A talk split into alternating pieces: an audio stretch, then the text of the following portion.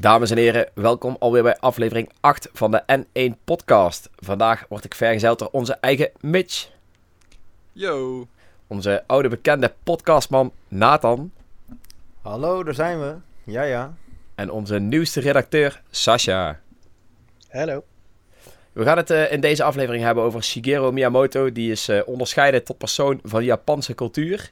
Uh, Overwatch op de Nintendo Switch. De naderende release van Pokémon Sword and Shield. En natuurlijk de kwartaalcijfers van Nintendo. Dat is best wel heel waar. Dus laten we gewoon meteen beginnen, toch? Yes, Zeker. awesome. Ja, Shigeru Miyamoto. Hij heeft een hele mooie onderscheiding gekregen. Uh, wat natuurlijk heel speciaal is uh, voor iemand in zijn branche. Sasha, jij uh, weet daar een hele hoop over te vertellen. Hè? Dus ik zou zeggen, brand los. Ja, het is niet bepaald een kleine onderscheiding die hij natuurlijk heeft gekregen. Um, de Person of Cultural Merit, oftewel de persoon van culturele verdiensten, is over het algemeen een onderscheiding die alleen maar naar uh, auteurs, acteurs en wetenschappers gaat. Dus uh, heel veel manga-artists zitten er bijvoorbeeld ook in. En Miyamoto is nou eigenlijk de eerste uit de gaming scene, om het even zo te zeggen, um, die deze onderscheiding heeft gekregen. Wat natuurlijk voor hem zelf een behoorlijk grote prestatie is.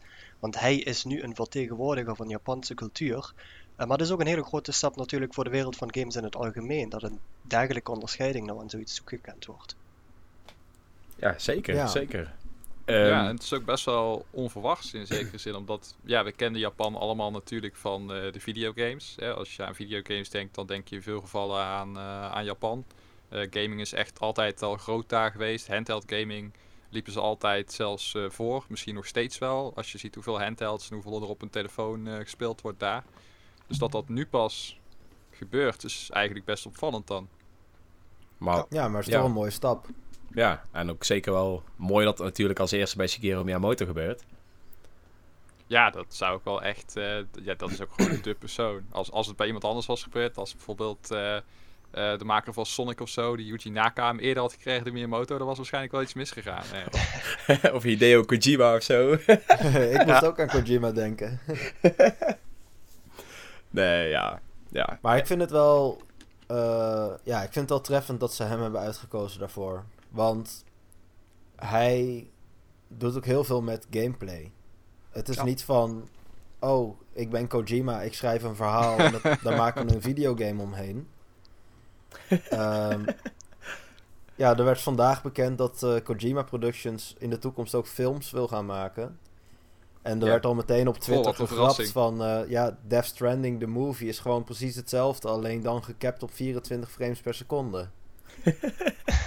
ja, Ja, ja, en bij Miyamoto is het natuurlijk andersom. Die wil voornamelijk gameplay naar voren laten komen. Eh, Ja. Wat ik natuurlijk ook veel belangrijker vind. Eh, want je speelt een spel om het spel te spelen. Ehm, ja, het verhaal is ja er het mooi bij. interactief. Ja, Hij en staat je soms, ook eh soms fault, hè, want eh, hij is ook de reden dat eh, die eh, eh, latere Paper Mario games eigenlijk helemaal eh, geen verhaal of zo min mogelijk eh, verhaal, verhaal hebben. Dus dan snijdt het mes Ja. wel weer eh, twee kanten op dat hij dan weer te ver doorslaat in de, in de andere richting. Ja, het Over is het een algemeen-. Ja, maar over het algemeen ben ik het wel meer eens met eh, Miyamoto's filosofie. Ik vind dat videogames zijn een apart medium, een uniek medium, waarmee je dingen kunt bieden die je niet in een film kunt bieden. Dus om het dan te gaan devolueren tot van, oh ja, het is eigenlijk gewoon een film, maar af en toe moet je een stukje spelen. Dat vind ik, eh, dat vind ik niks. Ja, maar Nee eens. bijvoorbeeld, dan heb je ook eh, Cyberpunk 2077 bijvoorbeeld. Wat weer een game is die juist verhaaltechnisch heel erg dat interactieve en dat soort van doordenken in, in de systemen van de wereld. En heel erg Ja. dat videogamey weer probeert uit te lichten. Maar dan heb je inderdaad een eh, spelelement. Ja, als, als jouw keuzes eh, invloed hebben op het verhaal, heb je een spelelement. Zo simpel is Mhm. het. Mhm. Ja, dat heeft Mass Effect bijvoorbeeld ook gedaan in het verleden. Ja, Ja, ja dus ik dat- maak ook dat wel... ook. eh, ja, ja, Ja, nee, dat, dat, is wel, eh, dat is wel prima. maar Dat, dat vind ik anders dan zo'n ja, Dead Stranding of, of Last of Us of zo. Wat, wat Ja, meer een soort van eens. lineaire lijn is van A naar B. Waar je af en toe een stukje eh, speelt. Ja, nee, ben ik mee eens. Wat Maar, wilde eh, jij zeggen, Dreon? Nee, nee, nee. Kijk, je hebt natuurlijk ook games die alleen maar verhaal zijn, maar die ook zo gemaakt zijn, zoals de Telltale games, even heel simpel gezegd. Ehm, Ja. Dat is natuurlijk weer de andere kant. Hè. Je hebt ook, eh hoe heet die andere alweer? Eh Gods, wat voor de PlayStation. Heavy Rain, Heavy Rain, bijvoorbeeld. Oh, ja. Maar allemaal van die soort games. Detroit Ja. Become Human en dat soort eh, ja. games. Ja. Ja, ja. Ja, of denk zelfs aan Phoenix Wright. Hè. Dat, dat verhaal staat ook gewoon vast. Het enige waar jij erin uitgedaagd wordt is om de juiste links en eh, verbanden te leggen. En dat, eh, en dat in de praktijk te brengen. Ja. Maar als je puur naar gameplay kijkt, dan is, de, ja, is dat van een visual novel is, is vrij minimaal. Zeker. Maar alsnog genoeg om er een spelelement in te hebben. Hè? Want je, je, kunt, eh, ja, je kunt winnen en je kunt, eh, je kunt verliezen. En, eh, en je cliënt gaat eh, de bak in. Ja, maar het leuke is wel dat ehm, bij Phoenix Wright staat het verhaal wel ondergeschikt aan de gameplay. Ehm, het is een puzzelspel en daar wordt een verhaal omheen gebouwd. Ja, Net, ja. net zoals bijvoorbeeld bij Professor Layton. Het is gewoon een puzzelspel, maar je speelt een verhaal en op die manier knoop je al die puzzels aan elkaar. Dus het komt alsnog los uit gameplay elementen, in plaats van dat er Ja. een verhaal verzonnen wordt en daar wordt gameplay bij bedacht. Ja, precies. Ja. Dat is Ja, eigenlijk dat- een, ja. eh, Ja, dat, ik, weet- ik weet niet of dat bij Phoenix Wright zo is hoor. Bij Ja, Phoenix Wright eh, is het idee juist om clues te verzamelen in een soort point-and-click adventure. En, en hè, daar verbanden in te, in te vinden. En dat wordt dan weer teruggehaald in de courtroom, zeg maar, in de, in de Ja, rechtszaal. maar ik twijfel wel of ze zeg maar eh, bij Phoenix Wright ook eerst de gameplay elementen bedenken en dan het verhaal. Want mij lijkt het juist de logische volgorde om eerst het verhaal te bedenken en dan te bedenken wat voor soort clues en eh, wat voor stappen er voor nodig zijn om tot, tot de conclusie te komen, weet je wel. En wat voor Jawel, eh, maar het stamt wel en- voort uit, uit die loop van we gaan onderzoeken en dan gaan we dat daarna in de courtroom eh, presenteren, zeg maar. En nou, Ja, het true. hele gevecht tussen de prosecution en de defense. Ja, nou, daar ben ik wel mee eens. Daar ben ik wel mee eens. Maar ik denk wel dat Phoenix Wright wel bij uitstek een game is als het, als het verhaal slecht geschreven is, dan is het meteen minder leuk. Oh, absoluut. Ja, daar ben ik het mee eens. Da- Daar, daar, het is daar wel belangrijker. Ah. Mhm. Ja, cool. Cool. Ehm, we zijn natuurlijk een beetje afgedwaald van eh, het originele verhaal. Het ging natuurlijk over Shigeru Miyamoto. Ehm, ja, ik denk ook niet dat er heel veel op toe te voegen valt. Eh, het is natuurlijk gewoon mooi dat die man deze onderscheiding heeft gewonnen. En eh, laten we eerlijk zijn, als je denkt aan videogames, dan denk je heel gauw aan Mario. En hij is toch degene die dat verzonnen heeft. Dus eh, Ja. ja, Hij is mooi. nog lang niet klaar wat hij zelf zegt. Nee, ook nog eens. Hij eh, heeft al aangegeven inderdaad nog niet met pensioen te willen. Nee, Dus, maar die eh, man die gaat gewoon door totdat hij dood is. Ja, ja dat is eh, Dat denk ik zit gewoon in zijn bloed.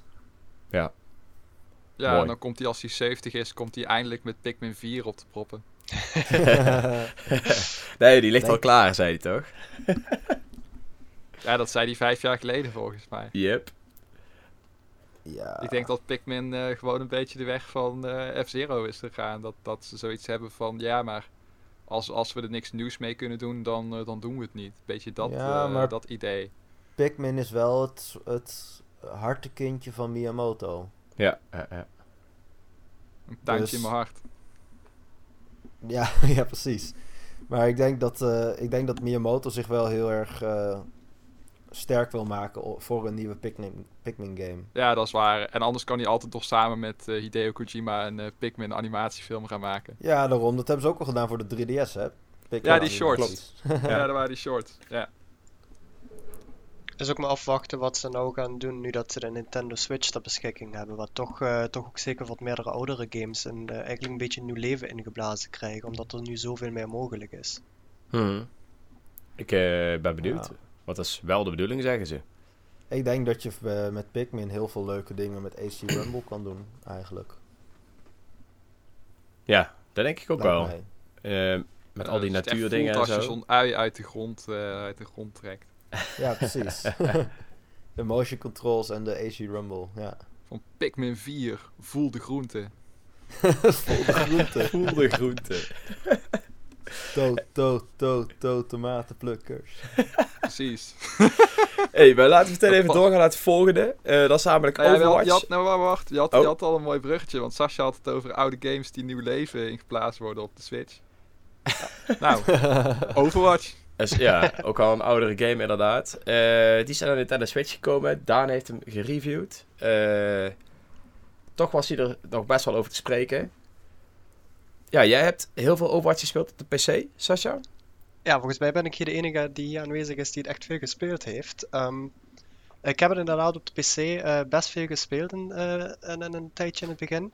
Mhm. Klinkt een beetje tegenspreken natuurlijk. Maar ehm, het is, ja, het brengt een hele nieuwe manier van spelen naar het, eh, naar het first-person genre, waar je toch heel veel focus op, op de teamplay hebt zitten over het algemeen. Je merkt ook, weet je, als je online speelt en je hebt mensen die maar alleen voor zichzelf bezig zijn, dan gaat het Ik nog dus. wel eens...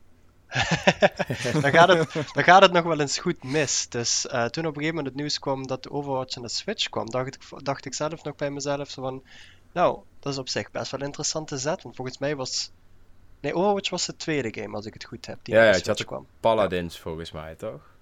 Nee, Diablo had je eerst van Blizzard. Oh, van Blizzard, ja. Ja, ja, maar eh, ja, Paladins soort is game. die andere, Ja. is die Overwatch-clone die Ja. eh, echt heel slecht is. Ja, dat weet ik die ook niet gespeeld. Dus, eh, Je kon het gratis spelen. In de tijd dat ik nog geen game recensent was, dan moest je natuurlijk gratis pakken wat je pakken kon. dus eh, ik heb hem toen gespeeld en ik vond het echt bar. Ik ken hem alleen van zien zelf, maar het heeft mij nooit, eh, nooit op de manier aangetrokken zoals dat eh, Overwatch dat heeft gedaan. Ja, maar die, die hele studio high-res games, die specialiseert zich ook in het maken van eh, ja, een beetje aftreksels van, van andere spellen, zeg maar. Dus ze hebben een soort van Overwatch-versie. Ze hebben volgens mij ook een soort budget World of Warcraft. Ze hebben budget... Beetje eh, de AliExpress een- van de gamewereld.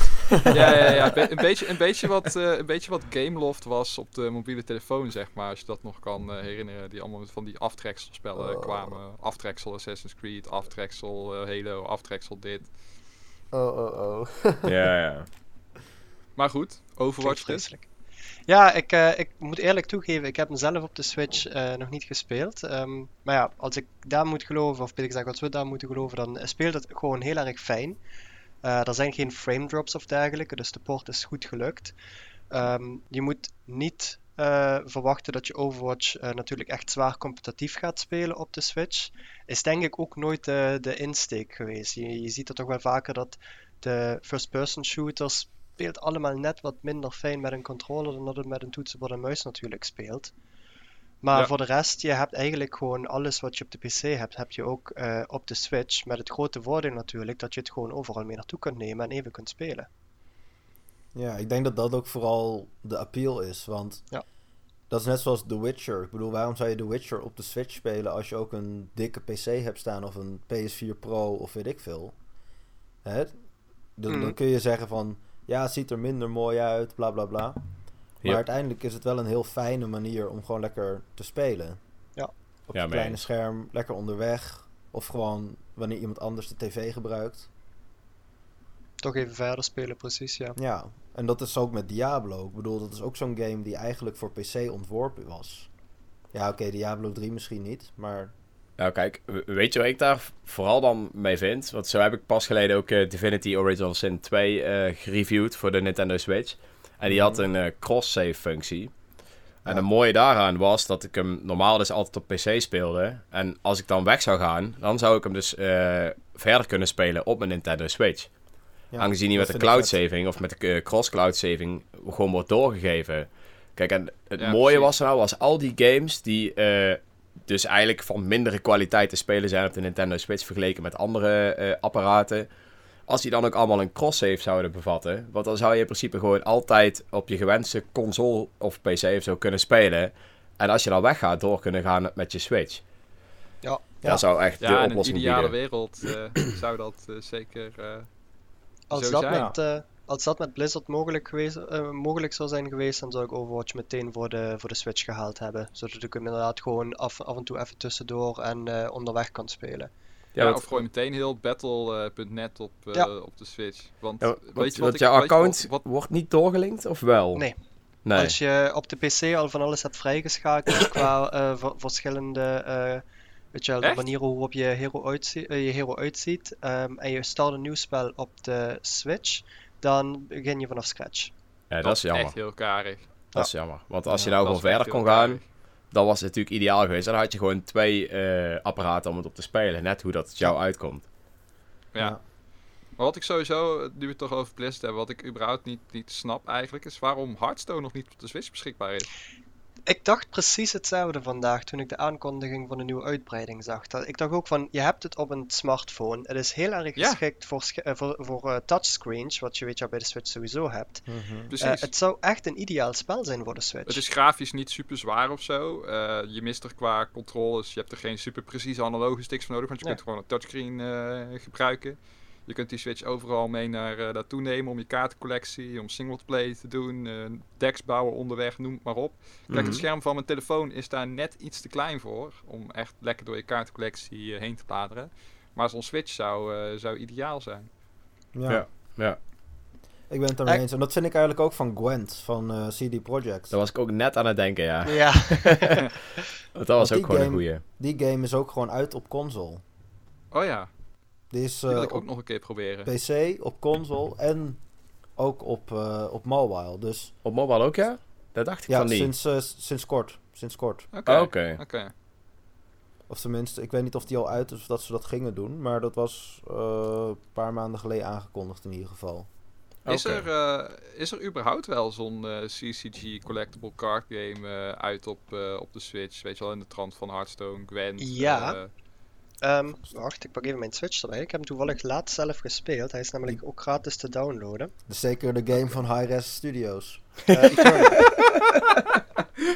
Geen idee eerlijk gezegd, zullen we eens kijken? Nee, Direwolf Digital. Hi-Res Studios presents Hearthstone. Scherp Nathan, scherp.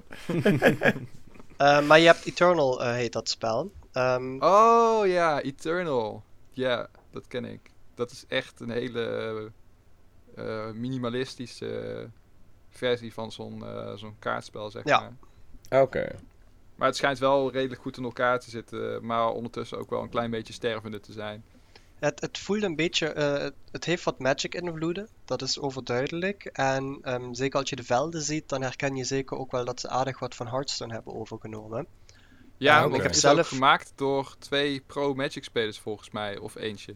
Oké. Dat had ik volgens mij ook begrepen. Oké. Oké. Hm. Nou, in Maar ieder ik moet geval zeggen, eh, ik, gat in ik, de ik markt. vond het er zelf niet zo heel slecht uitzien, eerlijk gezegd. Het speelde ook best prettig over het algemeen. Hm. Ja, dus Ja. dat is eigenlijk toch gek dat eh, eh, Blizzard hier dan nog niks mee doet. Of CD Projekt Red, net. Wie er eerder wil zijn natuurlijk. Want Ja, daar ligt dus best wel markt, een, een eh, markt vrij daar, ja. Echt, je hebt nu 41 miljoen, ja dat loop ik een klein beetje vooruit, maar 41,6 Zes. miljoen switches in omloop of zo. Dus ja. En Ja. Hearthstone is zo'n free-to-play, free-to-start game in ieder geval. Dus iedereen Ja. kan het in principe downloaden zonder excuus. Hm. Ja. En ik vind het qua eh, vormgeving en zo vind ik het ook prima bij. eh, hè, het, is, het is lekker kleurrijk. eh, het heeft een beetje. Ja, het past echt goed bij de humor. Switch. Het past echt goed bij de Switch en bij Nintendo als, eh, als merk. En Hearthstone heeft, heeft wel cross-platform saves. Want of je het nou op, een, eh, op de PC, op een iPad op, of, op, of op je Android-telefoon speelt, je hebt overal Klopt. je, gewoon je, eh, je volledige deck. Klopt, Ja. zeker. Ja. Maar ja, wie weet is dat ook wel ehm, iets wat nou een beetje tegengehouden wordt. Hè? Want je weet natuurlijk niet hoe makkelijk Nintendo in al die dingen is. Want ik heb begrepen dat dat niet zo heel makkelijk gaat. Eh, Misschien Ja, wil, eh, Nintendo dat zou goed de reden kunnen zijn dat het er nog niet is, zeg maar. Misschien wil Nintendo gewoon het monopolie op het eh, hele gadde collect 'em all eh, principe. nou, dat zal wel meevallen. Weer een bruggetje. Ik wou dat te zeggen, je hebt al een mooi bruggetje gecreëerd. Want eh, de release van Pokémon nadert. Want ja, aankomend, aankomende week of aankomende vrijdag komt de Nintendo Switch Lite Pokémon editie uit. En dat is mooi een weekje voordat de Pokémon games uitkomen. Om, ja, om je nog rustig voor te bereiden en je Nintendo Switch Lite te installeren. Ja, Pokémon zelf natuurlijk. De 15e is de release tijd zo uit mijn hoofd. Ja. Yep. Hebben we er zin in? Absoluut. Ja, zekers. Ik Mitch heb ook? er echt heel veel zin in. Ja, eh, Mitch niet. ik eh, ben nog steeds eh, niet hyped in ieder geval, eh, laat ik het zo zeggen. Maar eh, ik, ben, ik hou wel een klein beetje het nieuws eh, in, de, in de gaten. Maar ben jij Ehm, eigenlijk een Pokémon fan? Eh, zeker. Ik heb eh, alle Pokémons. Ik, tot en met Sun en Moon heb ik alle Pokémons eh, gespeeld. Behalve Ah, nice. de Black en White delen. Die heb ik toen wel overgeslagen. Omdat ik toen eh, ja, even wat anders aan het doen was of zo. Ja, ga Maar, die nog een eh, keer spelen. Die zijn wel Kun goed, je- ja. Kun je echt voor, nou weet ik veel, die kun je vast voor een paar tientjes van Marktplaats afprikken. ja, dat doe ik al vaker. Maar dan moet ik ook weer een DS kopen en zo. Of een 3DS. Nou ja, dat... Misschien komt er ooit nog eens van als ze hem uitbrengen op een eh, virtual console of zo. Dat ik hem dan een keertje doorspeel. Nou, Met waarschijnlijk een name, remake. de eerste. Mhm. Oh ja, ja, of een remake inderdaad. Ja, want het- ik vind het hele idee van de eerste Black and White vind ik wel heel vet. Namelijk dat je eigenlijk gewoon nul eh, oude Pokémon tegenkomt in de campaign voordat je de Elite Four hebt verslagen. En dat maakt denk ik wel een stuk frisser dan, eh, dan de gemiddelde Pokémon. Dus, ja, en het verhaal zin, zelf was ook echt gruwelijk vet. Dat is lang geleden. Ja. vet. Het verhaal ken ik wel een klein beetje in, eh, in grote lijnen. Ja, dat is wel, dat is wel eh, voor een Pokémon verhaal zat het op zich wel eh, redelijk, eh, ja, redelijk in elkaar. maar ja, Pokémon, ja, dat speel je normaal gesproken natuurlijk niet voor het, eh, voor het verhaal. Die eh, Ja. verhalen van X en Y waren ook echt zo standaard eh, JRPG eh, als, maar, eh, als maar kan zijn. Ja, ik snap wat je bedoelt. Maar Kijk, eh, het ding is, het ding is met de. Ze hebben de schaal van het verhaal hebben ze constant omhoog gegooid. Maar daarmee vergeten ze de, de persoonlijke stakes, zeg maar, vanaf ja, X en Y. eh Sun en Moon Hm. was ook, ja, vond ik ook echt geen reet aan. Ik heb ik vond Sun and Moon niet zo leuk, nee. Maar ja. Nee. Maar goed, ik Ja. heb dus alle Pokémons verder wel eh, gespeeld. Ik heb eh eh, IV, eh, IV-training heb ik gedaan. Ik heb op eh, Pokémon Colosseum heb ik die verdomde Mount eh 100 challenges, bla bla bla. Oh, overleef ze allemaal en dan krijg je ho-ho op het einde. Ik heb al die shit gedaan. Ja, oké, maar, maar, Maar- dat was eigenlijk ook... Zeg maar, je hoeft je niet te verantwoorden of zo, hoor. Maar het was meer van... Wat, waarom nee, maar ben dat is, nee, dat is niet niet zo enthousiast? verantwoorden. Het is meer om aan te geven van hè, waar ik een beetje vandaan kom. Ik heb aardig Ja. veel Pokémon gespeeld. Alleen ik ben ja, sinds ja, vlak na X en Y eigenlijk ben ik een beetje het enthousiasme verloren. En zie ik de reeks alleen maar continu dingen toevoegen die ik niet boeiend vind. Terwijl ik zoiets heb van gooi nou gewoon eens een keer heel die game om. Dan wordt het misschien Ja, weer een keer interessant. Ja, ik snap wat je bedoelt. Dat Ja, lijken ze toch wel een beetje te doen met Sword and Shield. Ja, ja, ze doen een poging. maar dat is Ja. dan weer de verkeerde kant, eh, denk ik, voor jou, Mitch. Ja, nee, niet per se. Ik vind die wild area, dat vind ik echt de goede kant. Alleen Ja. de uitwerkingen ervan, zoals ik het nu zie, is een beetje eh, half-half Ocarina of Time en 64 bomen. eh, slechte animaties, eh 64 raid battles, gigantamaxing, dat soort onzin komt er dan weer allemaal bij.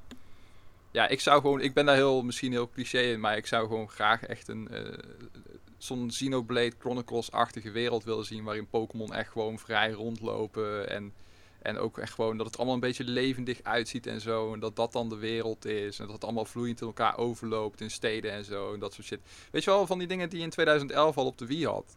Ja, Waarom kan de Pokémon Company dat niet maken in 2019? Nou, Ja, ik, ik moet toegeven, ehm, ik sta er ook echt van te kijken dat ze inderdaad zoiets nooit geïmplementeerd hebben. Want we weten allemaal dat Monolith Soft eh, meewerkt aan Breath of the Wild bijvoorbeeld.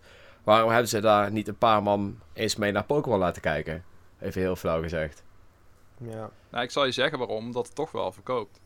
Ze hoeven iedere keer Helaas. gewoon maar een paar verbeteringen te doen. Of wat nieuws te introduceren. En het verkoopt weer als een gek. Ik ga je nu ook al vertellen. Pokémon Sword and Shield gaan alle verkooprecords breken. Dat gaan misschien wel de best verkopende Pokémon spellen ooit worden, denk ik. Ja, ja die kans zit er dik in. Dat zit er wel in, ja. Ja. Misschien eh, nog on... Ik weet niet, hoeveel hadden Red en Blue ook weer verkocht? Die zaten op 20 miljoen stuks of zo, toch? Dacht ik. Dat weet Zou ik niet helemaal. gaan. Dat kan ik even voor je opzoeken, maar... Echt heel veel in ieder geval voor, eh voor Game Boy eh, spellen. Hmm. Ja, en dat is notabene helemaal aan het einde pas eh, van de Game Boy uitgekomen. Ja, en ook nog in het jaar 1999. 1999 in het Westen of zo. Dat, Ja. Voor de tijd Ja. dat je echt die dikke campagnes had via social media. En dat alles super snel verspreid en zo. En dat soort dingen. En Ja. YouTube. En dat met Dan moet je 40 ook in, miljoen switches in omloop en natuurlijk de kerstdagen die naderen. Ja, En Ik denk- heel wat hype die ze aan het opbouwen zijn de afgelopen dagen. Mhm. En ja, laten we eerlijk zijn, Pokémon Go en zo werken daar nog steeds aan mee. Ja. Ja, Ja, de- zeker. Zou eens eh, kunnen. Over die hype van de afgelopen dagen eh, gesproken, Sascha. Neem ons eens kort mee wat er allemaal een beetje... Want jij hebt ook eh, recent nog een interviewtje vertaald met, eh met Game Freak. Mhm. Zat er allemaal nog iets interessants tussen wat jou opviel? Ehm, nou, een klein stukje wat ik zelf eh, of over het hoofd gezien heb of gewoon nog niet wist op dat punt, eh, was bijvoorbeeld ehm, die wild area. Eh, hun omschrijven het als je bent always connected. Dus als je door de wild area rondloopt, zie je niet alleen maar de mensen met die je in de party zit, maar je ziet blijkbaar ook gewoon constant andere spelers daar rondlopen.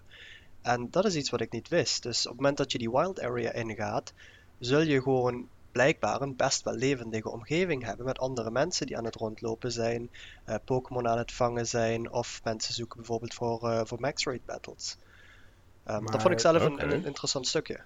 Maar dat is denk ik dan meer vergelijkbaar met het player search system van XI dan dat het een soort MMO wordt. Nou, eh, je hebt nog steeds zo'n zo'n zoekfunctie heb je nog steeds in de eh YCOM feature noemen ze dat. Eh, als, je als je die opent, dan kun je aangeven, hey, ik wil traden of hey, ik wil vechten. En dan heb je een andere speler die hetzelfde aangeeft, daar word je dan mee gematcht. Ehm, Ja. Maar los daarvan, als je gewoon rondloopt, zie je dus nog steeds ook gewoon andere spelers rondlopen.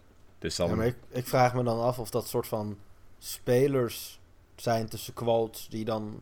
eh, dat zijn gewoon personages die eruit zien als een ander speler. Of dat het echt soort van live is. Zo van als ik nu naar links loop, loopt dat poppetje ook echt naar links, zeg maar. Ik verwacht dat het dat eerste zal, eh, Ja, zal dat zijn. vrees ik eigenlijk net, als, net als in Red and Blue, dat je die linkkabel had, dat je dan rond kon lopen en dat je dan kon praten met dat ventje en dat dat ventje dan zei van wil je battelen, wil je traden, wil je dit, wil je dat. Ja, dat je dan een van die opties kan kiezen en dan ga je naar het daadwerkelijke live Ah, contact ja. tussen Dat- de battle of... Ja, dat zou kunnen ja, dat hij inderdaad gewoon de personages inlaat en die doen gewoon wat.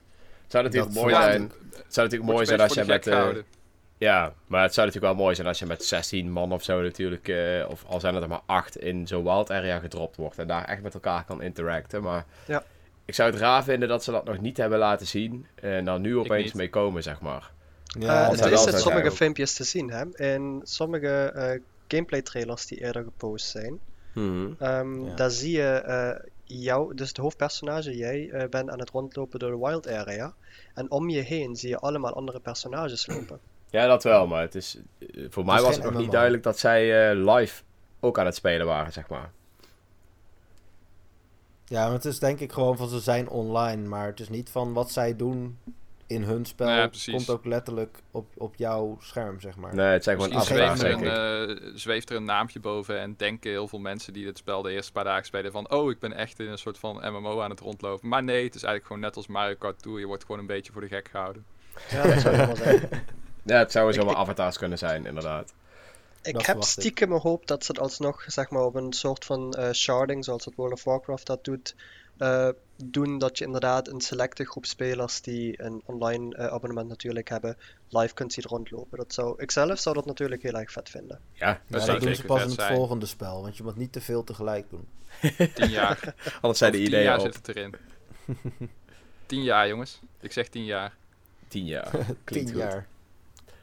Ja, hebben jullie nog iets, eh, 2030. hebben jullie nog iets aan toe te voegen? Iemand die nog iets wil delen over Nou? Ik, wilde, ik was eigenlijk wel even benieuwd, eh, want eh, er zijn ook wat dingetjes geleakt op het eh, Ja. wilde westen van het internet. En dat Ja. lijkt vrij echt te zijn. En we het daar niet over hebben? Ja, we gaan, hier niet spoilen, maar Nee. ik wil We wel gaan niet spoilen, nee. heel kort voor jullie weten of jullie de, ja, of jullie daar een beetje blij van werden eigenlijk van eh, al die, eh, die nieuwe Pokémon designs. Ik heb het vermeden als de pest. Ik, heb Hoppa. het, ik wil het niet weten.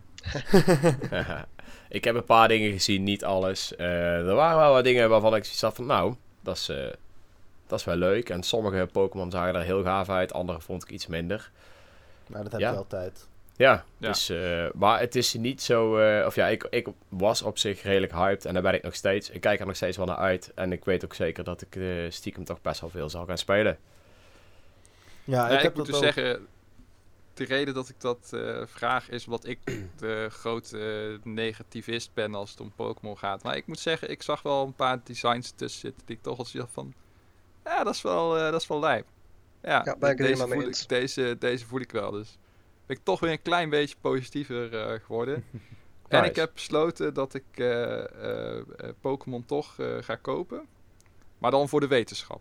Ik ga For Oprecht. science. oprecht kijken is dat ik goed beargumenteerd mijn eh, mening kan geven als we daar ooit over gaan eh, discussiëren. Ehm, Wat ik ervan vind, wat ik er goed aan vind, wat ik er slecht aan vind, eh et cetera. Maar dat ik die game in ieder geval wel één keer doorgespeeld heb en dan gaat hij weer naar de gameshop en dan koop ik weer wat anders van. Maar you never know what ja, happens. Mitch, ja. Maar als we het toch hebben over voor- en nadelen en eh for science, ehm, dan ben ik eigenlijk wel benieuwd wat vinden jullie van ehm, ja, eigenlijk de drie grootste controversiële zaken die ze met eh, de nieuwe games hebben gedaan. Namelijk het eh, ontbreken van de National Pokédex. Mhm. Eh, dat heeft natuurlijk voor heel wat oproer gezorgd. Het eh, verplicht vastzetten van shared XP. Je kunt het niet uitzetten. Het staat gewoon standaard aan. En het debuut natuurlijk, autosave. Ja, ja. Ehm, nou, dat, de- vooral die laatste, daar ben ik niet zo blij mee. Ehm, f- het is even afwachten natuurlijk wat het daadwerkelijk inhoudt. Maar Maar je kon het tokkelen toch? Had ik begrepen. kon je dat ook uitzetten? Hm. Volgens mij was dat in een interview ook bekendgemaakt. Dat je dat ook uit kon zetten. Dat je nog steeds wel gewoon voor die le- Legendary Shiny kan, eh, kan gaan. Als je dat honderd keer opnieuw wil proberen. Nice, dat is dat het eerste wat ik ga doen als ik Ja. die game heb. Nou, Nee, ik- maar- ja. Zeg maar, ik verwacht niet dat je midden in een gevecht eh autosave gaat hebben, alleen erbuiten. Maar het is gewoon. Ja, het is gewoon vreemd of zo om, om dat te hebben. Want je kan zo vastlopen. Ehm, ik, weet, ja, ik weet niet. Het, het is gewoon totaal Ik denk iets dat wat gewoon niet bij Pokémon hoort. Nou ja, reason. ik ben het daar niet mee eens. Ik vind het gewoon... Als je, sowieso als je het kan tokkelen als het een optie is, dan doet het niemand kwaad. Want dan kunnen Nee, de dat is puristen waar. kunnen het, gewoon, eh, kunnen het gewoon uitzetten. Hm. Maar heel veel moderne games gebruiken gewoon autosave. Zo simpel is het. Heel veel mensen zijn daar inmiddels mee opgegroeid. Ehm, en stel je voor dat je hebt autosave, bijvoorbeeld iedere keer als je een nieuw stadje binnenkomt. Ik heb wel eens op mijn Game Boy gehad dat de batterij uitviel en dat ik toen gewoon een heel eh, dungeon of eh, grot moest, eh, moest overdoen. Ja. Met autosave Ja. zou dat nooit voorkomen. Dus Nee. dat- ja, in dat opzicht vind ik het wel. eh, vind ik nee, ook het is wel goed dat het een optie is hoor. Daar ben ik het wel mee eens. Maar, Maar ik je zou het moet- zelf wel ja. uitzetten. Je moet inderdaad niet... eh stel je voor dat, die, eh, dat jij een shiny Mewtwo wil... en zodra je de kamer van Mewtwo eh, inloopt... krijg je een autosave. Ja, dat zou vervelend zijn. Ja, dat Want dan wordt hij ingeladen en dan, ja, dan gaat het niet meer. Ja, ja maar daar daarom vind ik het ook goed eh, als dat klopt, dat je het in ieder geval uit kan zetten. Want voor dat Ja. soort zaken, voor dat soort hardcore stuff, eh, ook als je een Nuzlocke run doet bijvoorbeeld of Ja. zo, weet je wel, en je, dan wil Ja. je ook af en toe wel eens, eh, ja, Ja, precies. Nou, het, al, het allerergste vind ik natuurlijk om het ontbreken van de National Dex. Eh, ja, dat vind ik heel erg jammer. Want ik wil het liefst gewoon alle Pokémons weer daar hebben. Ja, dat is voor mij juist een van de hoofdredenen waarom ik daarvoor ben, eh, voor, juist voor Pokémon Sword and Shield ben gaan kiezen. Oké, dat vind ik een interessant. Ja, daar ben ik dan wel benieuwd naar. Eh, een van de redenen waarom ik op een gegeven moment eh, ook de, het niet meer aandurfde, om het even zo te zeggen, eh, Pokémon te gaan spelen, want ik heb daar een hele lange pauze in gehad, was je- ik voelde een bepaalde vorm van druk dat, dat je verplicht was om al die Pokémon te vangen. Want bij, ja, bij, bij Red en bij Gold en Silver, dan was het nog allemaal redelijk makkelijk te doen, want het waren er maar 205, 251. Dus dat, dat was een stuk ja, haalbaarder. Maar ik heb al die spellen daartussenin niet gespeeld. En ik dacht van ja, maar ik heb echt geen zin om 800 nog wat Pokémon te gaan vangen. Dat, die, die druk die zat me een beetje tegen. Dus toen Maar op waar een komt gegeven die druk dan vandaan? Want het is niet alsof Game Freak je dreig-sms'jes gaat sturen als je het niet doet. nee, dat klopt, dat klopt. Ja, ik heb er een stuk of vijf gehad anders. eh. Satoshi Tajiri. Ik, het is ook meer een persoonlijk iets dat ik, eh, als ik die spellen eh, dan speel en ik, ik zie de Pokédex die, weet je wel, waarvan ik weet die is niet compleet, ja, dat, dat stort mij, mij persoonlijk gewoon. Dus het is Ah, ja. een, eh, Ja, ja, ja. Ja, je Ja, bent er zo ja. eentje. Maar Ja. dan ga je nog steeds een, eh, een monstertaak krijgen, want er zitten er nog steeds 600 in. ja, ja, ja. eh, nee, minder. Nou, er waren toch 600 Pokémon die ze erin zouden doen? Hmm. Minder, ik toch? Nou, gek. Ik dacht minder. Ja, ik zou zeggen, zoek dat even uit. Weet ik veel. Ja. Maar goed. Ja, maar ik snap al wat je bedoelt hoor. Maar ik moet zeggen dat ik die druk nooit echt zo gevoeld heb eh, bij het spelen van Pokémon. En op een gegeven moment kwam natuurlijk ook die Pokémon Bank en kon je al je Pokémon aan naartoe gooien. Mhm. Ja, daar gaan ze Pokémon Home nu voor brengen, zeggen ze. Ja, Want het is wel mogelijk om ehm, alle Pokémon van de voorgaande spellen naar Pokémon Home te brengen.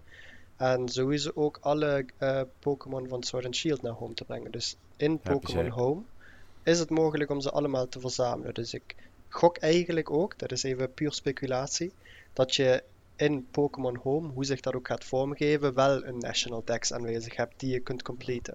ja, ja Maar dat je daar jouw is- verzameling hebt. Het ding is natuurlijk dat eh, ze komen van de 3DS af. En nou ja, de Switch is natuurlijk een veel krachtiger apparaat. Dus eh, je hebt HD, visuals. eh, alles ziet er veel mooier uit. Ze kunnen niet zomaar die 3D-modellen die ze gebruikt hebben voor de, voor de 3DS even een beetje oppoetsen en hop naar de, Nee. naar de Switch. Nou, ik denk Eh, dat ze dat min of meer gedaan hebben nu, maar... Jawel, hebben ze ze- ook min of- hebben dat ze- hebben ze ook min of natuurlijk meer wel zoveel gedaan. mogelijk geprobeerd. Maar Eh, Kijk, het is heel simpel. Ik ben daar heel simpel in. Pokémon is de grootste franchise ter wereld. Hè? Er is geen franchise ter wereld, media franchise, die meer geld opbrengt dan Pokémon. Het is groter dan Mhm. Marvel, groter dan Star Wars, groter dan Hello Kitty, noem het maar op. Allemaal, ja? Dan ga je mij niet wijsmaken dat je geen budget kunt vrijmaken om... Je hebt eigenlijk, één, je hebt eigenlijk twee keuzes als Game Freak zijnde. Hè? Of je doet er minder Pokémon in, maar je maakt hun animaties wat meer up-to-date en je stopt er echt werk in, zeg maar. Dan pak je er, weet ik veel, 300 of zo, of, of, of 200 en dan doe je dat. mhm. Of je stopt ze er allemaal in en je laat ze gewoon ongewijzigd. Dus je recycelt animaties. Maar wat je nu hebt, is dat ze eigenlijk het slechtste van twee werelden eh, doen. Dus ze pakken alle oude gerecyclede Pokémon, inclusief gerecyclede animaties. En ze doen daar verder helemaal niks mee. En ze stoppen er ook nog eens veel minder in dan het complete raster. Ja, maar ze vullen ze wel aan gewoon- met Dynamax en Gigantamax Pokémon. Die wel Ja, nieuw maar- zijn met nieuwe animaties. Ja, oké, maar Ja, daar, hebben ze, daar hebben ze geen keuze. Dat- Dan moeten ze wel nieuwe animaties maken. Kijk, maar ik snap ook wel dat het heel veel werk is om die animaties te maken. Ik heb er ook video's over gekeken, mensen die dat geanalyseerd hebben en zo en dat soort shit.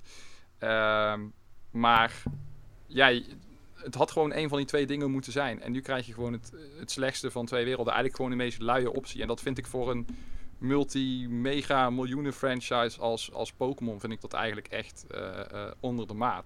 Ah, de Zeker. ellende is dat je hebt nou meer dan duizend Pokémon. Of je zit er tegenaan, weet ik veel. Overheen zitten er nu. nu? Met eh eh, nieuwe generatie erbij. Ja, Mhm. meer. Meer, hè? Er waren 800 nog wat tot nu toe, even de nieuwe generatie niet meegeteld. Ja. En eh, even zonder te veel te, te spoilen, maar als de meest recente leak klopt, dan zitten we nu goed over de 1000 heen. Ja, precies. Maar ja, Nee, dan heb je dus Als er duizend 800 zoveel beestjes. waren en de meest recente leak klopt, dan zitten we daar onder de duizend. Ja, maakt maar niet ja, uit, we zitten er nog steeds tegenaan. Ja, Je zit Om er en tegenaan, ja, ja, klopt. en de ellende is dat, nou ja, dan upgraden ze dat nu naar, weet ik veel, zeg maar Switch niveau.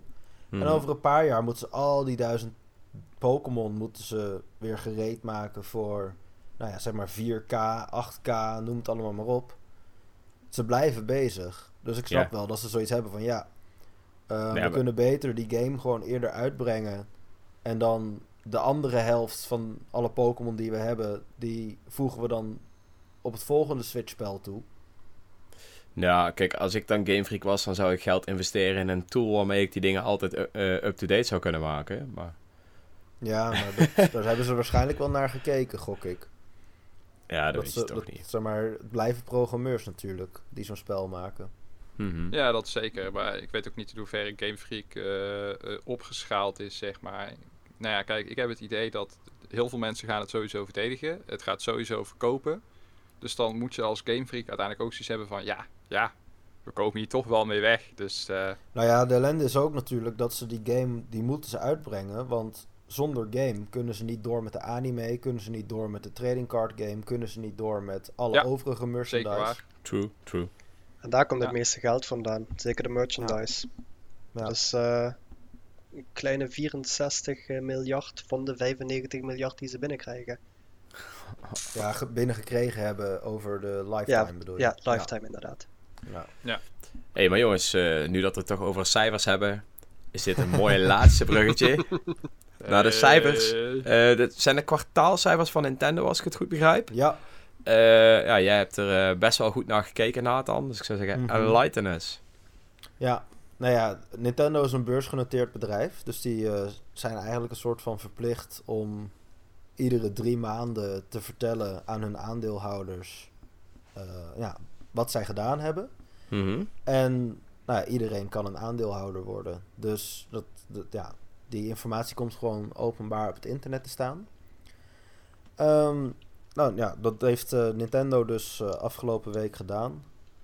Eh, nou ja, met de Switch gaat het natuurlijk hartstikke goed. Ja, inkomsten zijn gigantisch omhoog gegaan, noem het allemaal maar op.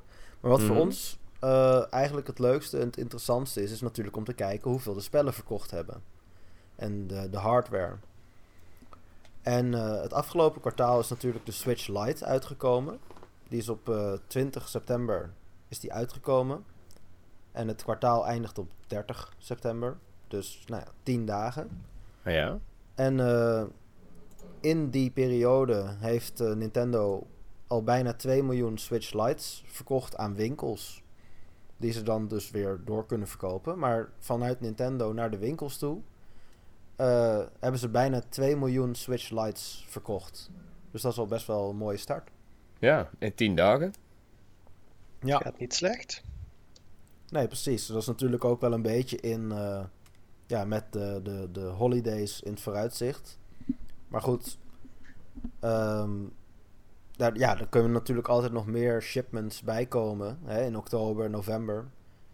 Eh, maar ik, ja, ik vind 2 miljoen, eh, ja, eigenlijk al meteen vanaf de lancering vind ik wel mooi. Ja. Dat is nog niet zoveel als de, de gewone Switch. De gewone Switch die zat op 2,85 miljoen.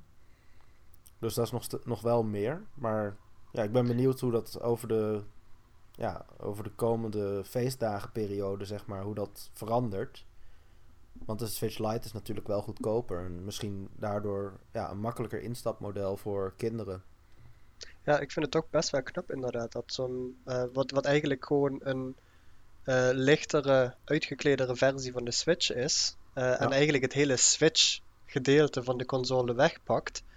ehm, toch zoveel heeft verkocht meteen in het begin. Want ik heb ook van best veel mensen gehoord, eh, uit mijn persoonlijke kenniskringen dan, dat heel veel mensen ook gewoon een tweede console erbij zijn gaan halen met de Switch Lite.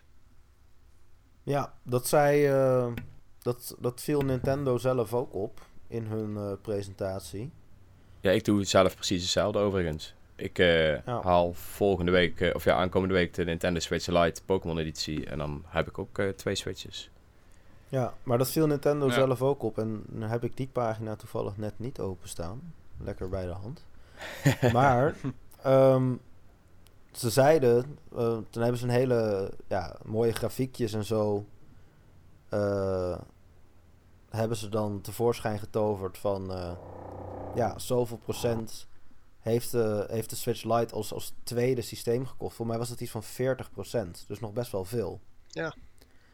Ik kan het alleen nu even zo snel niet vinden. Terwijl ik hard aan het zoeken ben op mijn computer. Ah, hier. Kijk. Ehm, ja, het komt er dus eigenlijk op neer dat eh 43% het als een tweede systeem gekocht heeft. En dat baseren ze dan op Nintendo-accounts die verbonden zijn. Dat is toch een behoorlijk aantal. Ja, dat is bijna een miljoen. Dat is wel eh, fors. Er zullen denk ik niet veel studenten tussen zitten. nee, dat geloof ik ook. Nou ja, de Switch Lite is natuurlijk in drie uitvoeringen beschikbaar. In grijs, in geel en in turquoise. En eh, welke kleur denken jullie dat het meest populair is? Ik Turquoise. weet welke kleur. Spoilers. Waarom Turquoise. denk je turquoise? Nee, dat hadden we, hadden we gelezen. Turquoise is het. Oh, nou, ik heb die ook- ook gewoon voordat die release al zoveel voorbij zien komen dat, dat, eh, dat iedereen altijd turquoise wou. Dat ik wel dacht, dit gaat hem ook worden. Ja, dat klopt. En eh, ja, ze vertellen helaas niet wat de tweede meest populaire kleur is. Eh, Hmm. Dat is wel jammer. Maar dat zal dan geel zijn, denk ik. Ik denk dat eh, de saaie grijze dit keer het eh, onderspit delft. Ja, dat denk ik zelf ook eigenlijk. Ik heb zelf best wel veel contact online met allemaal mensen die een beetje in de businesswereld zitten. En ja, natuurlijk totaal niet het totaalplaatje. Echt lange na niet. Maar bij die mensen zie je ook dat turquoise het populairst is, dan geel en dan grijs. Dus dat is op zich wel leuk. Ehm, ja, dat is een beetje qua Switch Lite uh, het verhaal. Ik ben heel benieuwd wat ze ja, over de holidays gaan doen. Zeker met Pokémon erbij natuurlijk. Uh, er zijn ook wat nieuwe games uitgekomen. Zoals jullie weten. Uh, we hebben het dan over de periode van juli tot september. Um, de eerste was uh, Marvel. Hè? hoe heet het? Marvel Ultimate die, Alliance 3. exclusive. Ja, de exclusive. Ja, die, die komt niet terug in het rijtje met miljoen verkopers. Dus nou ja, die zit daar nog onder. Dus dat is niet zo heel veel. En hetzelfde geldt voor Astral Chain. Astral Chain zit ook nog onder een miljoen. Dat is uh, wereldwijd? Ja, wereldwijd. Ah, oké. Maar uh, Fire Emblem Free Houses doet het wel heel goed. Die uh, staat op 2,3 miljoen exemplaren. En dat is een, een nieuw record voor de franchise. Ja, echt ook bijna kijk iedereen aan, is er aan. aan het spelen, lijkt het wel. Ja. Ja, het, is, het verbaast mij niet. Maar aan de andere kant zelf ben ik eigenlijk niet zo enthousiast meer voor die serie sinds Awakening. Dat is heel raar. Maar ja, blijkbaar slaat het aan bij mensen. Ik heb ze zelf ja. nooit gespeeld. Het heeft mij nooit getrokken. Nee? Nee. Hmm. Ja, maar ze zijn ook helemaal heel erg in die, uh, die anime uh, waifu uh, gedoe gaan inleunen per deel, heb ik het idee. Ja. En ja, ja, blijkbaar weten ze daarmee hun publiek ook wel deels te vinden. Al is natuurlijk nog maar de vraag hoe groot het aandeel is. Misschien dat het ook wel meer mainstream appeal zal hebben nu door, door de Switch. En doordat deze console generatie sowieso Japanse games weer wat meer in lijken te zijn dan ten tijde van ja. uh, de, de Xbox 360 en de PlayStation 3 en de Wii en zo. Ja, ja dat is dus, ook wel uh, raar. Ja. ja. Ja, nou ja, het is in ieder geval een nieuw record voor de, voor de serie. Um, en dan aan het einde van het kwartaal is natuurlijk Zelda nog uitgekomen, Link's Awakening. En die heeft het nog beter gedaan. Namelijk 3,1 miljoen exemplaren. Ja, die heeft dus het echt insane goed gedaan. Ja. Ja, en dat is dus ook in, in tien dagen tijd. Hè? Dus dan heb ik het eigenlijk over wat Nintendo dus naar winkels toe verscheept heeft. Uh, in die tien dagen. En natuurlijk gewoon wat ze verkocht hebben via de e-shop. En dat bij elkaar opgeteld is dus 3,1 miljoen. Dat is echt ja, behoorlijk veel.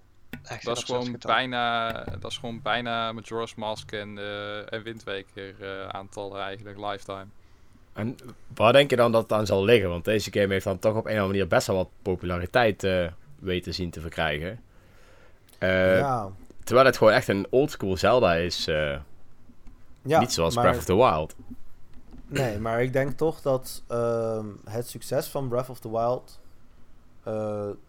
maakt mensen toch nieuwsgierig. Net zoals dat mensen toen Pokémon Go uitkwam, mm -hmm. toen zag je daarna in de rest van het jaar nog voordat Sun en Moon uitkwamen, dat de verkopen van uh, X en Y en van Alpha, wow, Omega Ruby en Alpha Sapphire, dat die ook oh, ja, ja. fors omhoog gingen. Ja, dat mensen gewoon dan toch ook ja, verder gaan kijken naar die franchise.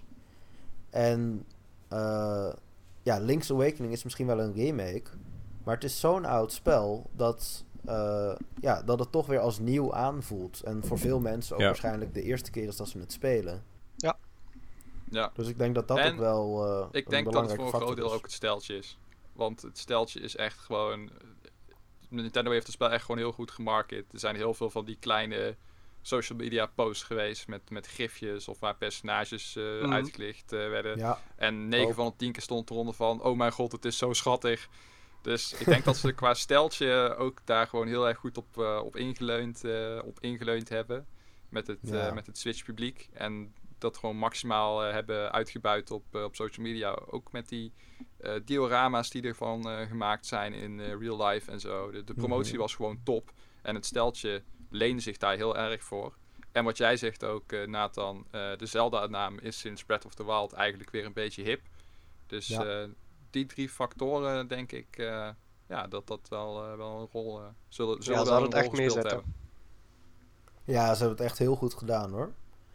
Ik had het niet verwacht, in ieder geval. Ik dacht echt van, oh, dat, dat zal wel zo'n game zijn die, ja, zo aan het einde van het jaar zo rond de anderhalf miljoen aantikt of zo. En, en twee, eh 2 miljoen lifetime sales haalt, weet je wel. Zoals, eh, ja, eigenlijk de latere, eh hoe heet die? Ja, nou ja, je moet niet de, mi- de vergeten minder, dat... de minder populaire handheld Zelda's, zeg maar.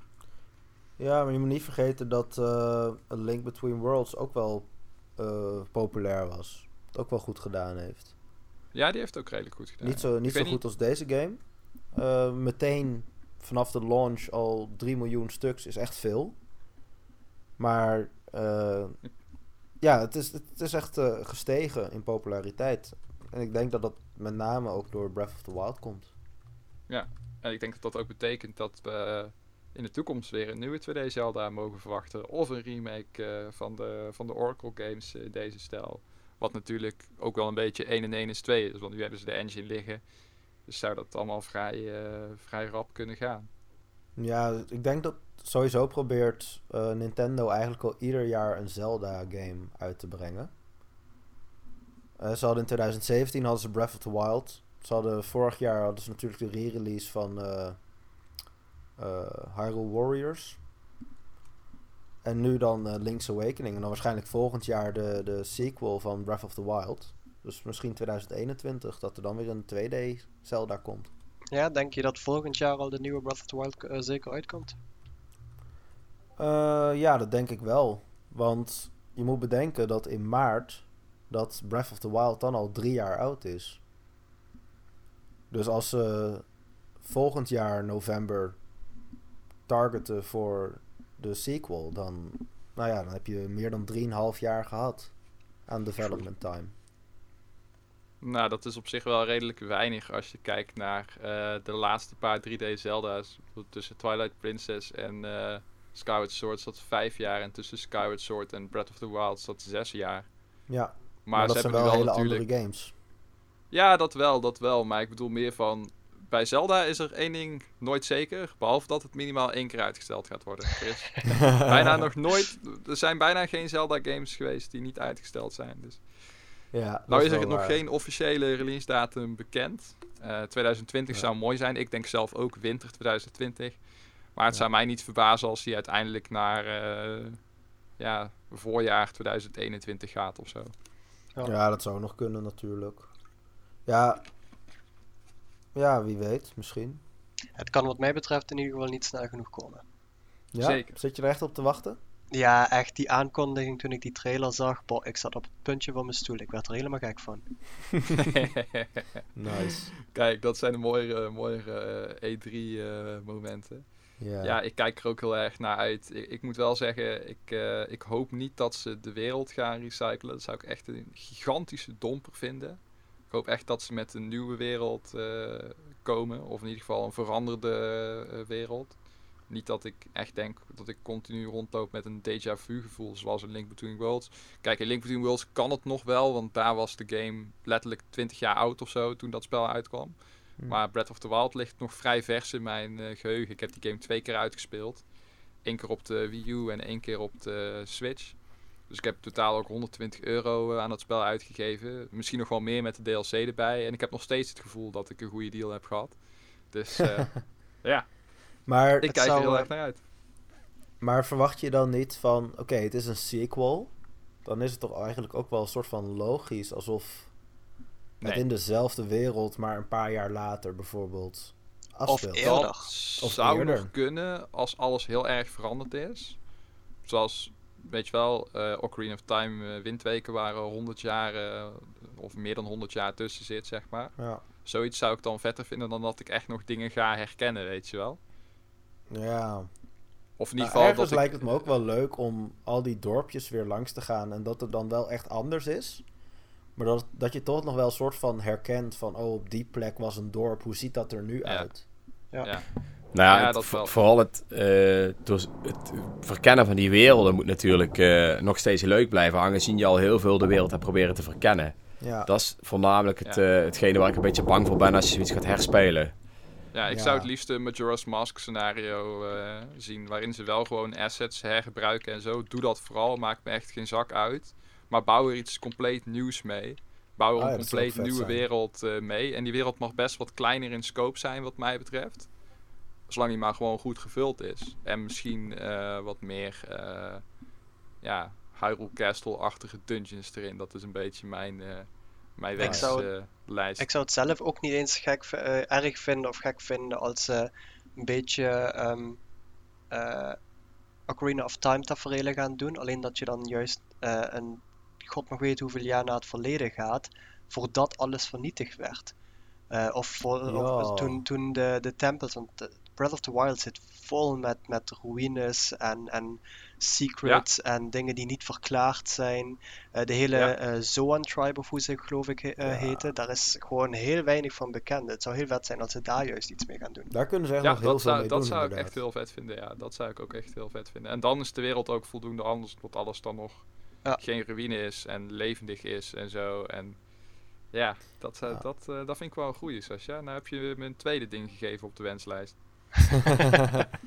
ik vond sowieso de teaser trailer vond ik ook echt vet. Dus ik hoop wel echt dat ze wat duisterder gaan en zo. En...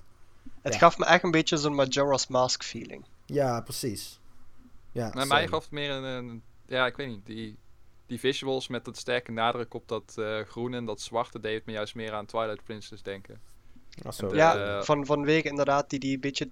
Eh, het, het had die, weet je, die Twilly vibe met eh, het achterstevoren spreken, die kleuren en zo, dat wel. Maar het Ja. hele eh horrorachtige en gewoon eh, de Ja, bad true. guy die gewoon Ja. echt freaky as hell was, dat gaf me echt zo'n zo'n Majora's Mask vibe.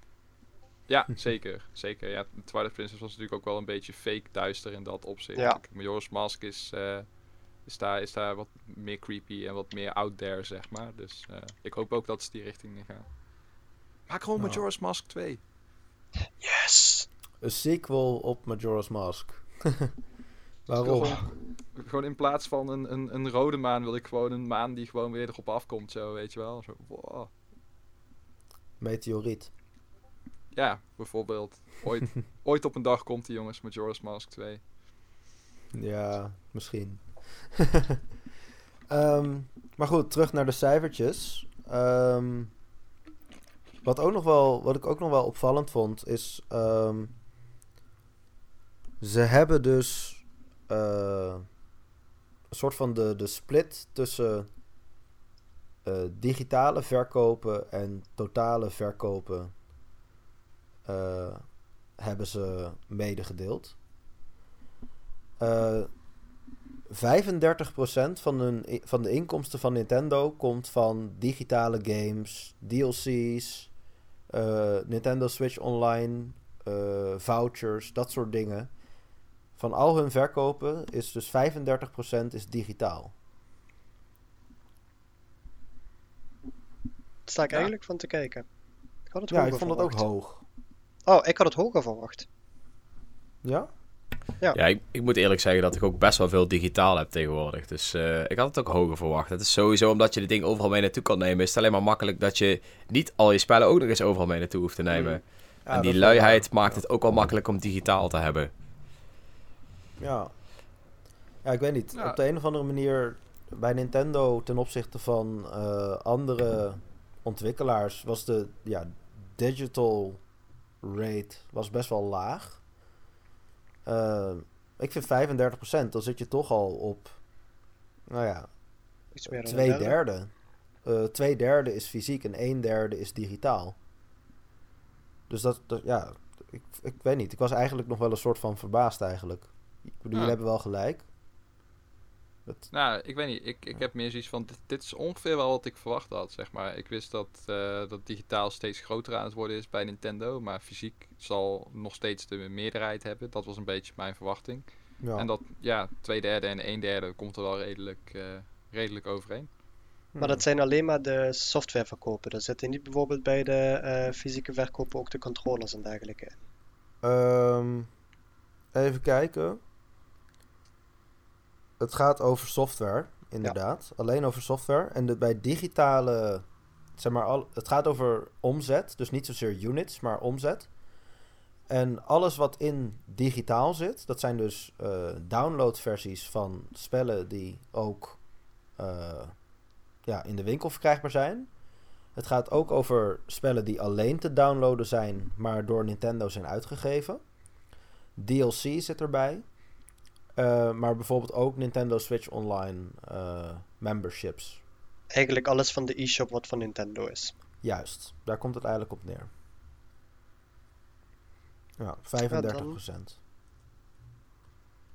Mm, ja, oké, oké. Dat, dat klinkt... Dan had ik misschien niet zoveel hoger verwacht. Hm. Ik weet niet, ik vond het wel een interessant... Uh, vond het wel een interessant gegeven.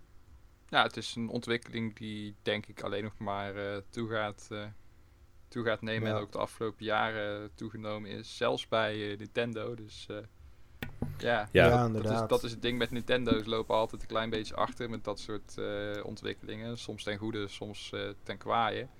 Maar Hmm. uiteindelijk uh, gaat ook Nintendo voor de bel. En zul je zien dat ze ook steeds meer met digitaal en, en ook mobile denk ik gaan doen. Want hoe zat het met de mobile inkomsten? Um, Die zullen ook best wel heftig zijn. Nou, Vooral Mario Kart. Dat, dat valt dus best wel tegen. Oh. Maar dat komt omdat bij Mario Kart dat die game die kwam ook heel kort van tevoren, uh, voor het einde van het kwartaal kwam die uit. En ze hebben natuurlijk die subscription service, maar er zaten ook weer een soort van gratis dingen bij. Ja, ja, zeker wel. Waardoor je pas later hoeft te betalen. Jongen. Dus, maar die heb ik hier niet paraat, eerlijk gezegd. Maar ik vond het wel een, een interessant gegeven. 35% van hun inkomsten dus uh, uit digi van software is dus vanuit digitale goederen. Ja, netjes. Ja, ik heb best wel veel digitale games, dus uh, ja. ja. ja. best wel makkelijk eigenlijk. Ook uh, games die je zeg maar ook gewoon in een doosje kan kopen? Ja, stiekem koop ik nog best wel veel first-party games uh, in doosje. Maar ik irriteer me er wel steeds meer aan dat ik de games moet wisselen. Oh, ja. ja. um, en dat, ja, dat is, dat is wel grappig, zeg maar. Want ik hou ervan om een fysiek, fysieke game te hebben, fysieke doosje. Maar um, Staat mooi in je kast. Ja, maar ik irriteer me wel steeds aan als ik van game moet wisselen. Moet ik weer van mijn stoel af om vervolgens een ander spel erin te stoppen. En dan heb ik ook nog zo'n spellendoosje waar meerdere games in zitten. En als die daar dan niet in zit, moet ik naar mijn kast toe om andere games te pakken, weet Helemaal je wel. dat, precies. Ja en, ja, en dat is stiekem iets waar ik me toch wel best wel aan irriteer. Uh, tegenover ik mijn niet dat er, digitale uh, games. uit de derde wereld uh, meeluisteren naar deze podcast. nee, nee, ja, kijk, het is natuurlijk gewoon een luxe probleempje. Maar uh, ik merk wel dat ik uh, digitaal steeds meer begin te prefereren. Oh. Ondanks dat die doosjes zo mooi in mijn kast staan, zeg maar. Ja, um, precies. Je hebt uh, op de PC bijvoorbeeld, krijg je voor het heel vaak als jij een game fysiek koopt, krijg jij een doosje met daarin een code. ja. Um, en eigenlijk vind ik het niet eens zo erg, want ik heb het doosje dan toch in mijn kast staan en de game toch op mijn PC staan en ik hoef dat doosje niet meer te pakken, zeg maar. Dat is wel een, uh, een grappige ontwikkeling die ik nou in mijn hoofd doormaak als het gaat om het hebben van fysieke games. ja, dus ik vind beide. het wel mooi. Je wilt gewoon Ja. beide hebben. Ja. Ja, het zou nog mooier zijn als jij gewoon een game kreeg die één keer eh, opstart en dat je hem vervolgens digitaal hebt. Dat zou ik helemaal mooi vinden als je zoiets kan vastmaken aan een bepaalde code, zeg maar. Zodat niet iedereen natuurlijk die game kan krijgen. Ja, Maar ja, wie weet. Ooit op een ja, dag. grappig. Ja. Ehm, ja, je, je ziet natuurlijk ook games als Overwatch, die natuurlijk voor de Switch uitkomen, maar waar eigenlijk ook gewoon een, een digitale code in een box zit. ja, ja, en dan ga je denk ik nog wel veel meer krijgen eh, de aankomende tijd. Ja. En op zich is dat niet eens zo heel erg, aangezien ik het doosje gewoon mooi vind om te verzamelen. En eh, verder me eigenlijk alleen maar irriteren aan het wisselen van spellen. Mhm. Dus dat is wel... ja, eh, mij, mij, mij, ja ik, ko- ik koop sowieso al bijna geen games eh, fysiek meer. Tenzij het echt eh, first party games zijn eh, die en veel geheugen innemen. En waarvan ik weet dat ik ze ja, gewoon lekker in mijn kast wil hebben, hebben staan. Mhm. Ehm, maar van die codes en doosjes, ja, dat zou mij alleen maar nog meer motiveren om niet naar de winkel te gaan en gewoon meteen die game van de e-shop te trekken. Ja, precies. Ja, als je het doosje niet wil hebben. Hè? Ja, het is natuurlijk wel een mooie manier om eh, bijvoorbeeld een game cadeau te doen voor, eh, weet ik veel, Sinterklaas of zo. Voor ouders is het natuurlijk wel hebben ze toch een soort van fysiek product wat ze weggeven. Ja, ja, Dus ja. ik denk dat daardoor inderdaad dat er nog wel een hele periode gaat komen waarbij er heel veel codes vanuit winkels worden. Ja, Ja, al, al heb je tegenwoordig natuurlijk ook heel veel van die giftcards en zo, hè. Dus eh, ja, dat is waar. Dat is waar. ja. Ehm, laten we maar meteen doorgaan naar het laatste punt. En dat is natuurlijk, eh, wat spelen wij momenteel? Eh, ik zal even beginnen bij mezelf. Ehm, ik ben momenteel nog best wel veel aan het spelen. Ik ben nog twee reviews aan het doen. Eentje voor Baldur's Gate en eentje waar ik nog niks over mag zeggen. Ehm, Oeh, vertel, vertel. ja, Baldur's Gate mag ik wel over praten. Dus eh, die game is ook al uit. Eh, die code heb ik redelijk laat gekregen. En het is ook best wel een grote game. Eh, het is een hele oude RPG. Echt nog gebaseerd op Dungeons and Dragons. Speelt zich ook af in Dungeons and Dragons. Hmm. Ehm, ja, ik vind het tot nu toe best wel een vette game. Het is, ziet er wel heel erg verouderd uit. Ehm, ik heb pas ook Pillars of Eternity gespeeld. En daar kun je het een beetje mee vergelijken. Maar dan toch nog net iets lelijker. Net iets lelijker.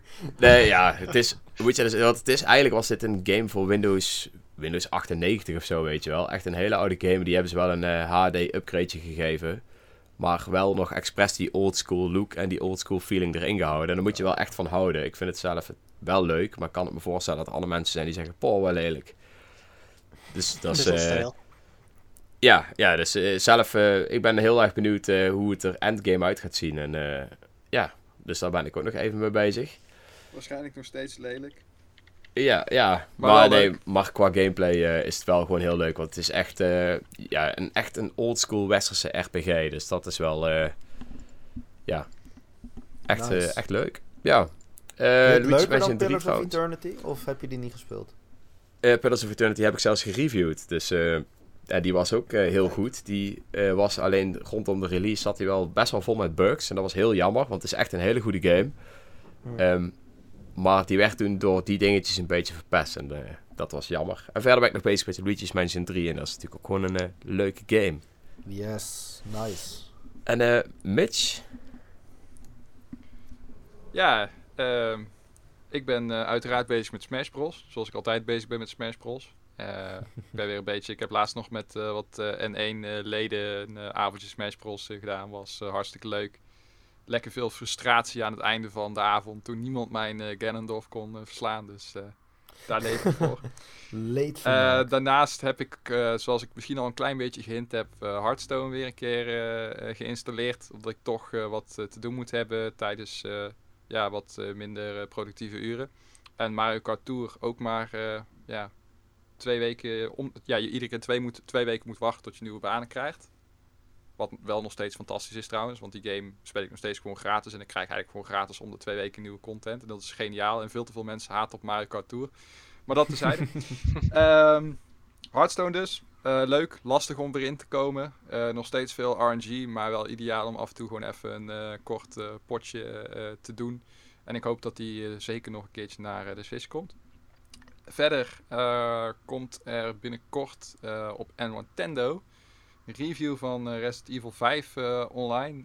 Resident Evil 4 was ik heel erg positief over. Resident Evil 5, ik ben zelden zo teleurgesteld gespeeld in een spel. Ik, ik kan me bijna niet voorstellen hoe ontzettend kwalitatief uitermate teleurstellend dit gevoeld moet hebben in 2009 voor de mensen die dachten van ja, ik ga het- die zonder voorkennis gewoon denken van oh ja, de nieuwe Resident Evil 4 was echt gaaf man. 5 die ga ik wel halen. Je doet het in je console, je start op. Nou, Wat maar is weet je... Lelijker dan maar- Baldur's Gate. maar- Wat is hier Nee. gebeurd? Maar Resident Evil 5 was best wel een oké game eh, Nee. toen der tijd. Eh er was ook nog in, in een tijd dat eh, games met cover shooting en zo best wel in waren. Je hebt niet eens Eh, cover dus- shooting. Jawel, jawel. Het speelt nog je. steeds als Resident Evil 4. Nee, je moet handmatig cover doen. Je hebt geen coverknop. Je moet echt Nee, bukken en nee, zo. nee, als het goed is kun jij op een gegeven moment ook achter objecten gaan zitten en zo. eh. Oh, dat heb ik dan gemist, denk ik. Dan zal ik de handleiding misschien een keer die ik niet gelezen heb erbij moeten pakken. Maar ik begreep... eh. Ja, zou je, zou je eens Oh, moeten checken. Er zijn bepaalde stukken waar je volgens mij achter objecten kan zitten. Die zijn ook volgens mij gehighlight en zo, maar dan moet je wel eens checken. oh ja, dat. Maar in ieder ja, dat van die Ehm, eh, context cover. Ja, oké. Ja, en, en, en toen tegen, tegen die tijd was het allemaal toch net wel anders. Toen, eh, ik heb hem op de Xbox 360 gespeeld. En dat was gewoon een tijd dat ik best wel op zoek was naar co-op games. Eh, toen was Gears of War zeg maar de enige game die je goed co-op kan spelen. En dan is Resident Evil 5 juist wel weer een hele goede oplossing. Ehm, naar mijn mening dan. Maar Ook al is het geen supergoeie Resident Evil game, is het wel een hele goede multiplayer game.